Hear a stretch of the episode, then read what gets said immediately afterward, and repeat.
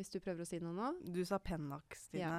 Penak, penak. Men hva heter den egentlig? Han er fransk? Heter den Ja. pennasje? Da, nei, jeg tror det er penak. Men har noe med penn å gjøre? Det har noe med penn Så å da gjøre. er det jo faglig Selv om han er opptatt av lesing. Ja. Det er veldig rart. Ja.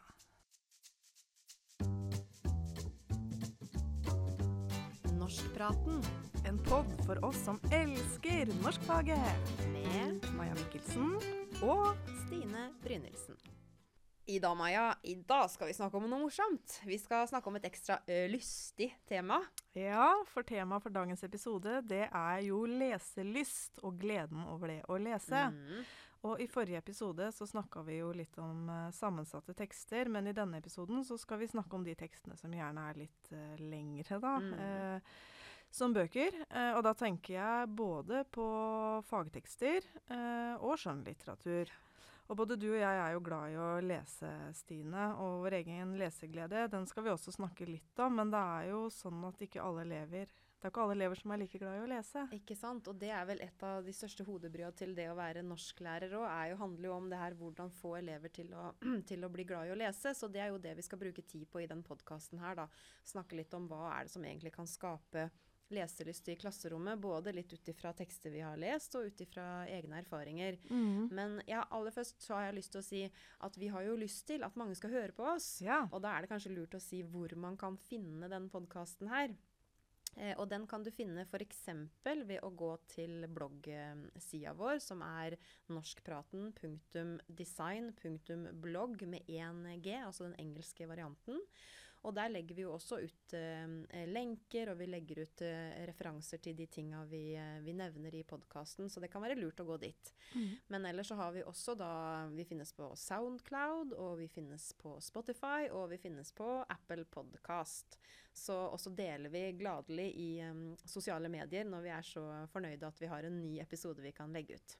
Mm. Yep. Ja, vi, vi kan si litt om hva vi har lest til i dag. For Ja. jeg fikk jo lyst til å lese eh, for å forberede meg til denne episoden her. Og mm. da ble vi enige om at vi skulle lese kapittel sju i Astrid Ros sin bok 'Lesedidaktikk'. Og i tillegg så har jeg titta på en bok som jeg har hatt veldig lyst til å lese lenge. Det er en bok av Åsmund Henning som kom i 2019.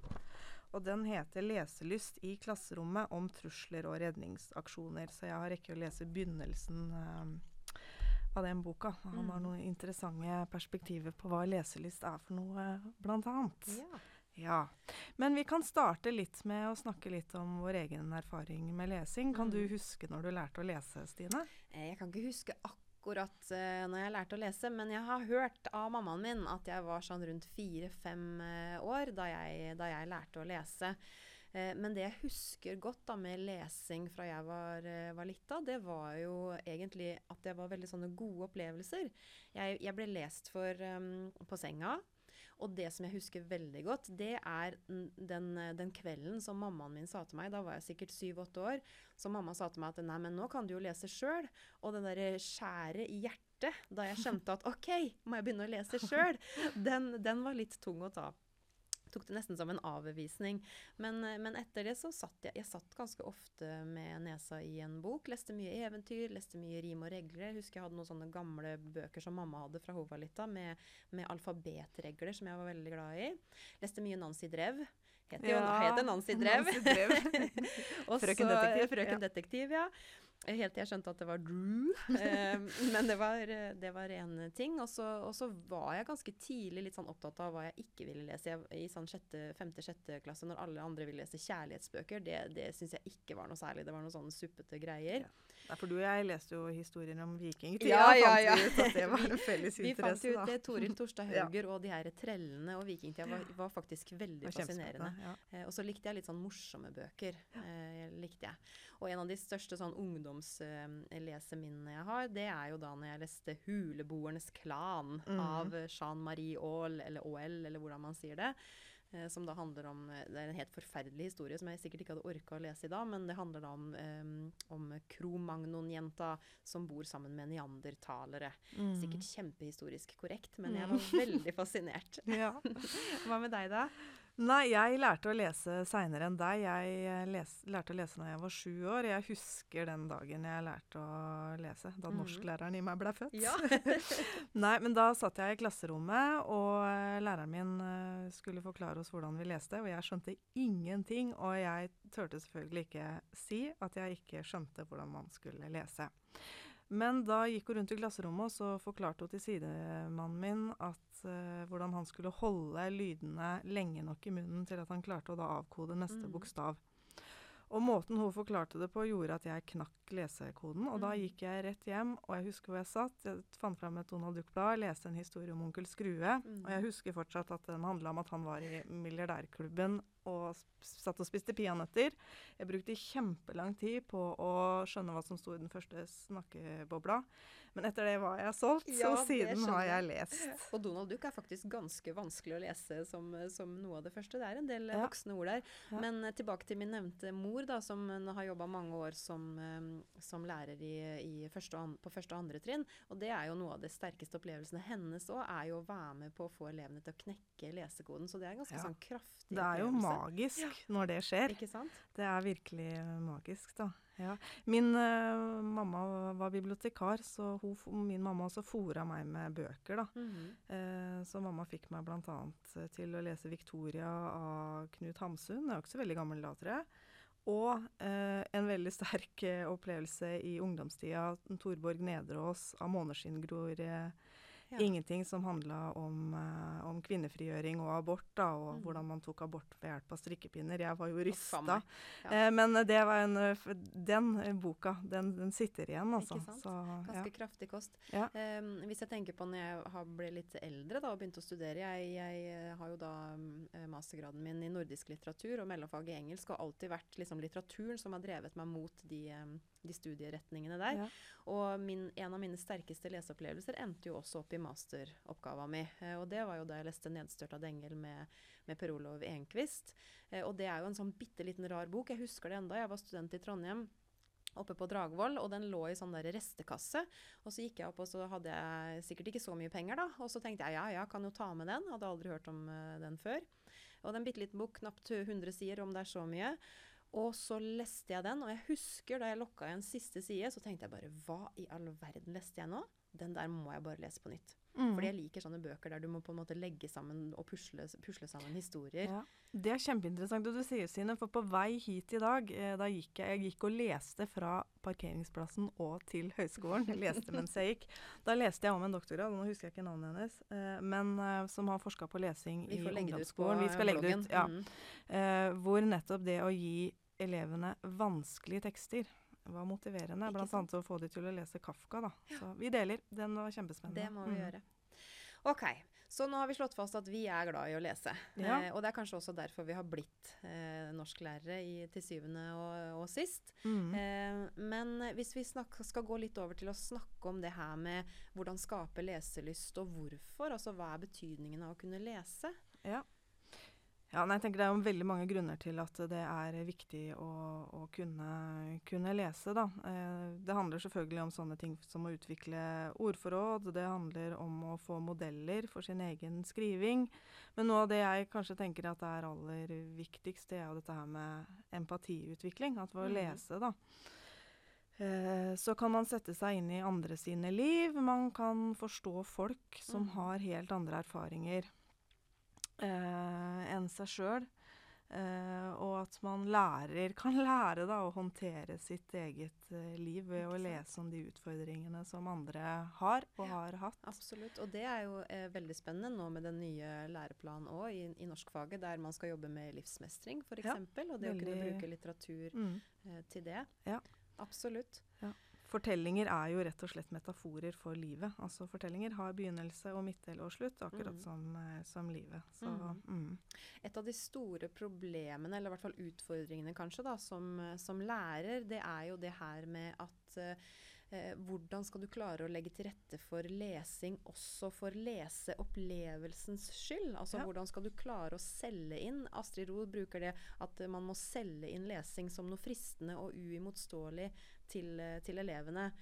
Eh, og det er jo en, en stor utfordring som lærer. Ja. Eh, Ro fortsetter å si litt om at det som kjennetegner lærere som får til god leseopplæring, da, det er jo at de bl.a. interesserer seg for elevens leseforståelse. Altså at de styrker elevens på en måte indre motivasjon for å lese. Mm. Eh, og at de også snakker om å presentere bøker som du sjøl som lærer er interessert i eller opptatt av. Mm.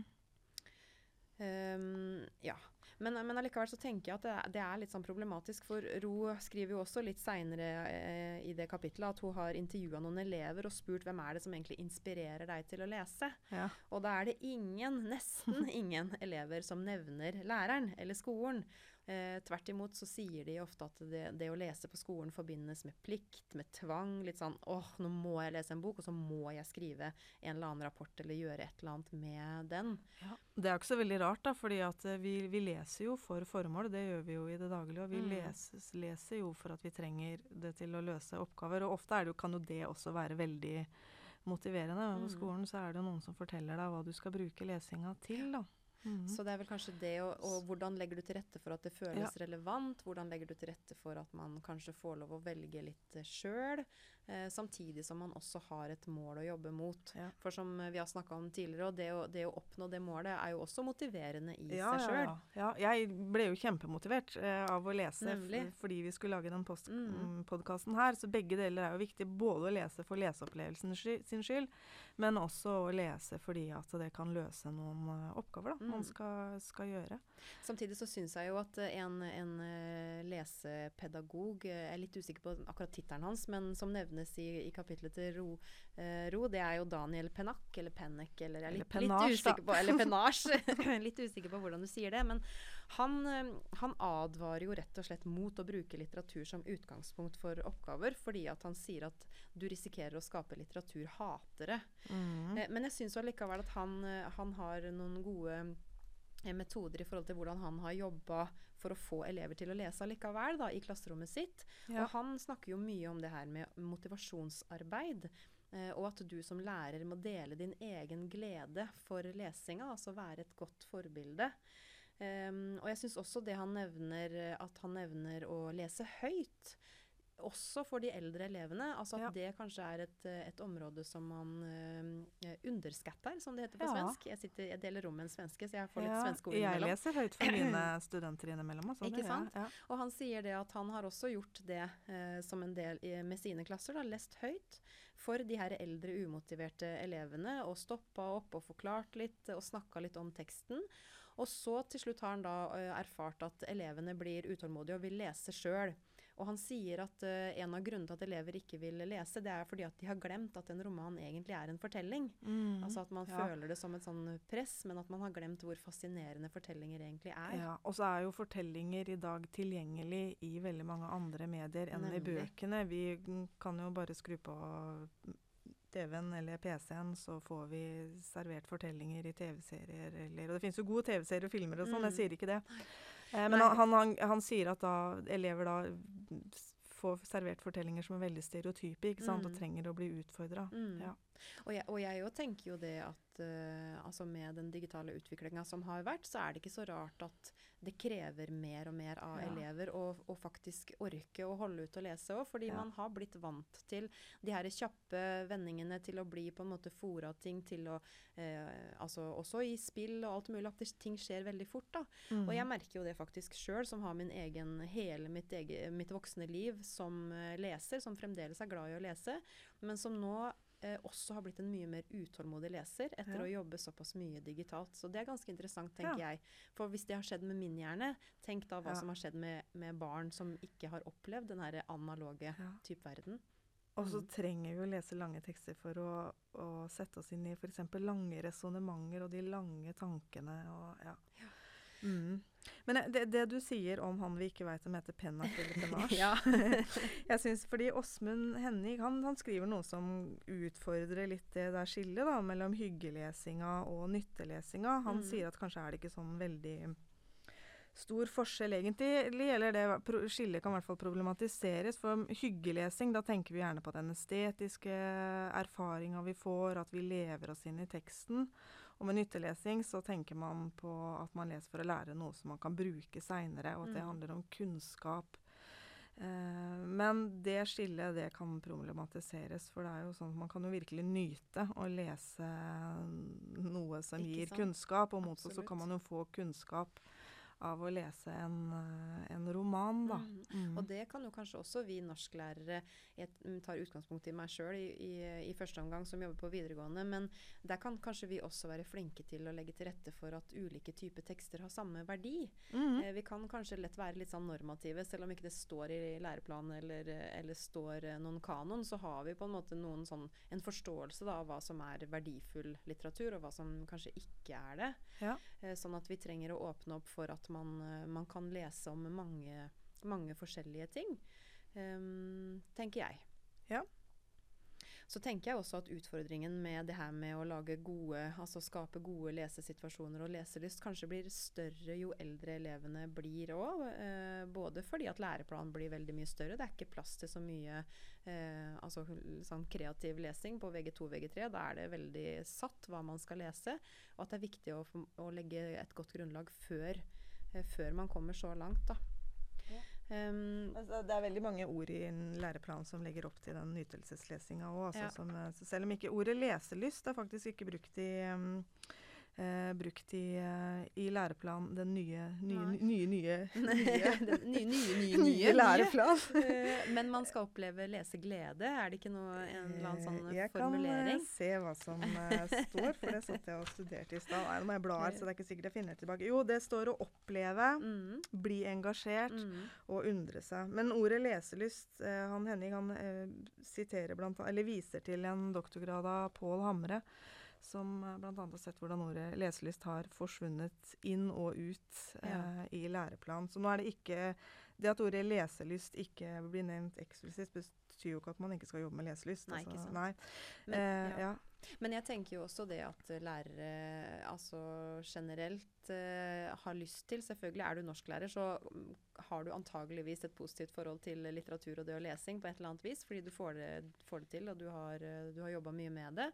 Eh, og du har antageligvis også lyst til å legge til rette for at elevene skal, skal lese. Men hva må egentlig læreren gjøre da, for å, for å, sånn, for å være en sånn motiverende eh, leselærer? Mm. Har vi noen konkrete eksempler på, på metoder eller ting man kan gjøre? Ja, jeg tenker at det vi kanskje må begynne med da, er å skille på indre og ytre motivasjon. Mm. Fordi at det er, altså målet må jo være at elevene skal få en type indre motivasjon og et indre driv eh, til å lese. Men det betyr jo at vi av og til må ty til noe ytre. Eh, noen belønninger. Det kan Mm. jo være på I første og andre klasse kan jo det være lesekort, f.eks. At man får et lite kort når man har lest, eller at man skal eh, bruke det til at man lager en bokorm, f.eks. At det blir fysisk synlig Mm. oppe på veggen eh, alt man har lest i sammen i klassen, f.eks.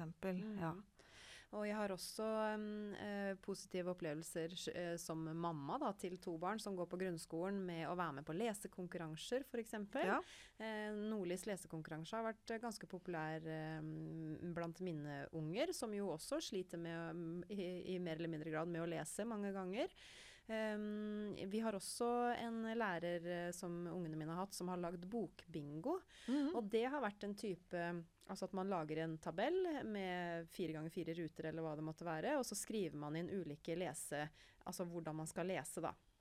Og det kan være å lese under trappa, det kan være å lese for et kosedyr, eller det kan være å legge seg under dyna med lommelykt, eller lese høyt for en voksen.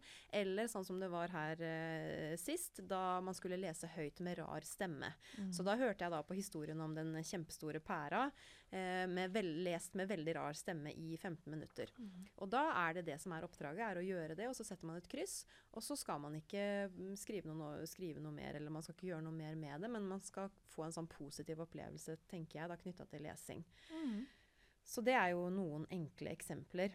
Mm. Um, et annet eksempel som nevnes i ro, som jeg også har jobba med sjøl, det er jo det her med lesesirkler. Ja. Fordi, eh, som vi har snakka litt om, det å lese er jo ofte tenkt på som en sånn individuell eh, greie, men, men det kan jo også være en veldig kollektiv og en, en, en, en sånn eh, gruppeopplevelse. Så jeg har, jeg har ikke gjort akkurat det som Ro skriver om, men jeg har lagd, eh, brukt lesesirkler som metode i mange sammenhenger. Og um, den metoden her den kan jeg godt dele på bloggen vår òg, sånn at jeg legger ut uh, hvis noen har lyst til å teste det ut. Mm. Men jeg har brukt det både på uh, VG1, uh, altså særlig på VG1-elever, men både i engelsk og norsk. Og jeg har brukt det med studiespes-elever, med idrettsfagelever og med elever med kort botid i Norge. Eh, og har fått egentlig ganske god respons på det. Det er flere som har trukket det fram som en sånn positiv leseopplevelse. da. Men den, bygger, den er veldig enkel. Den bygger på samarbeidslæring. Man jobber i gruppe på fire. Og så eh, foregår det over x antall uker. Spørs litt hva, hva man bestemmer, men fem-seks uker. Og så har man da lesesirkelmøte én gang i uka. Og til hvert lesesirkelmøte så har hver, eh, hver, hvert gruppemedlem fått et bestemt oppdrag.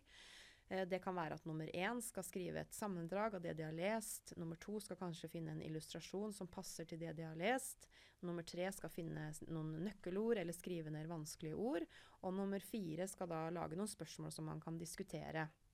Og så rulleres de oppgavene eh, for hver uke, sånn at på slutten av, lesesirkelperioden så har alle vært gjennom alle eh, de ulike oppdraga.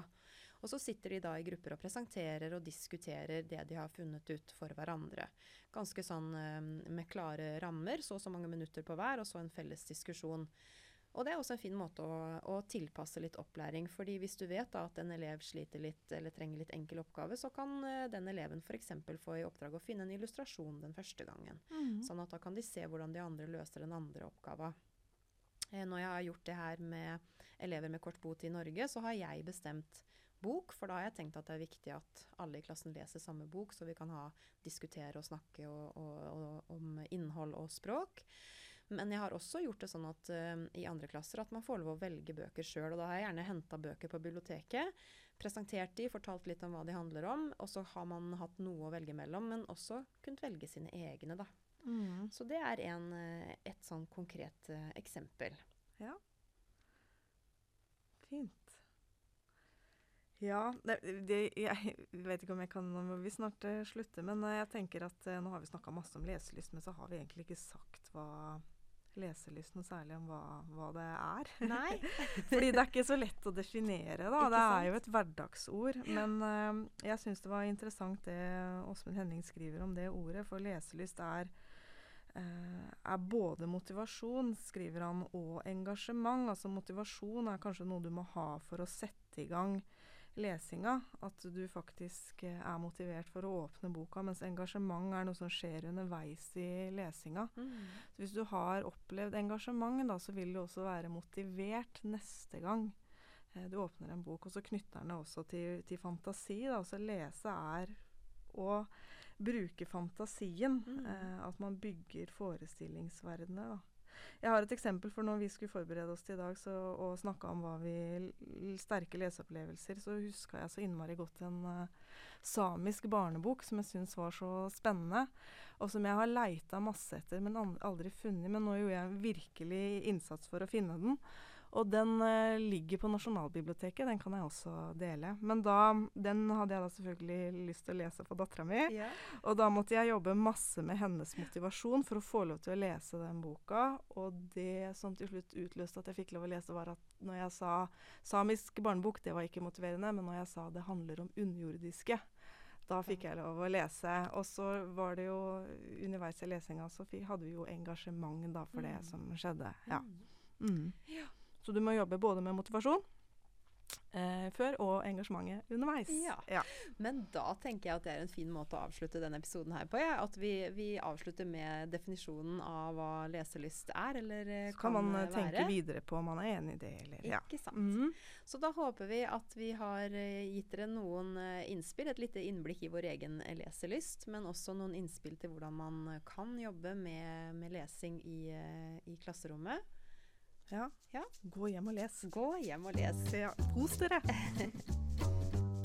Norskpraten En pod for oss som elsker norskfaget. med Maja Mikkelsen og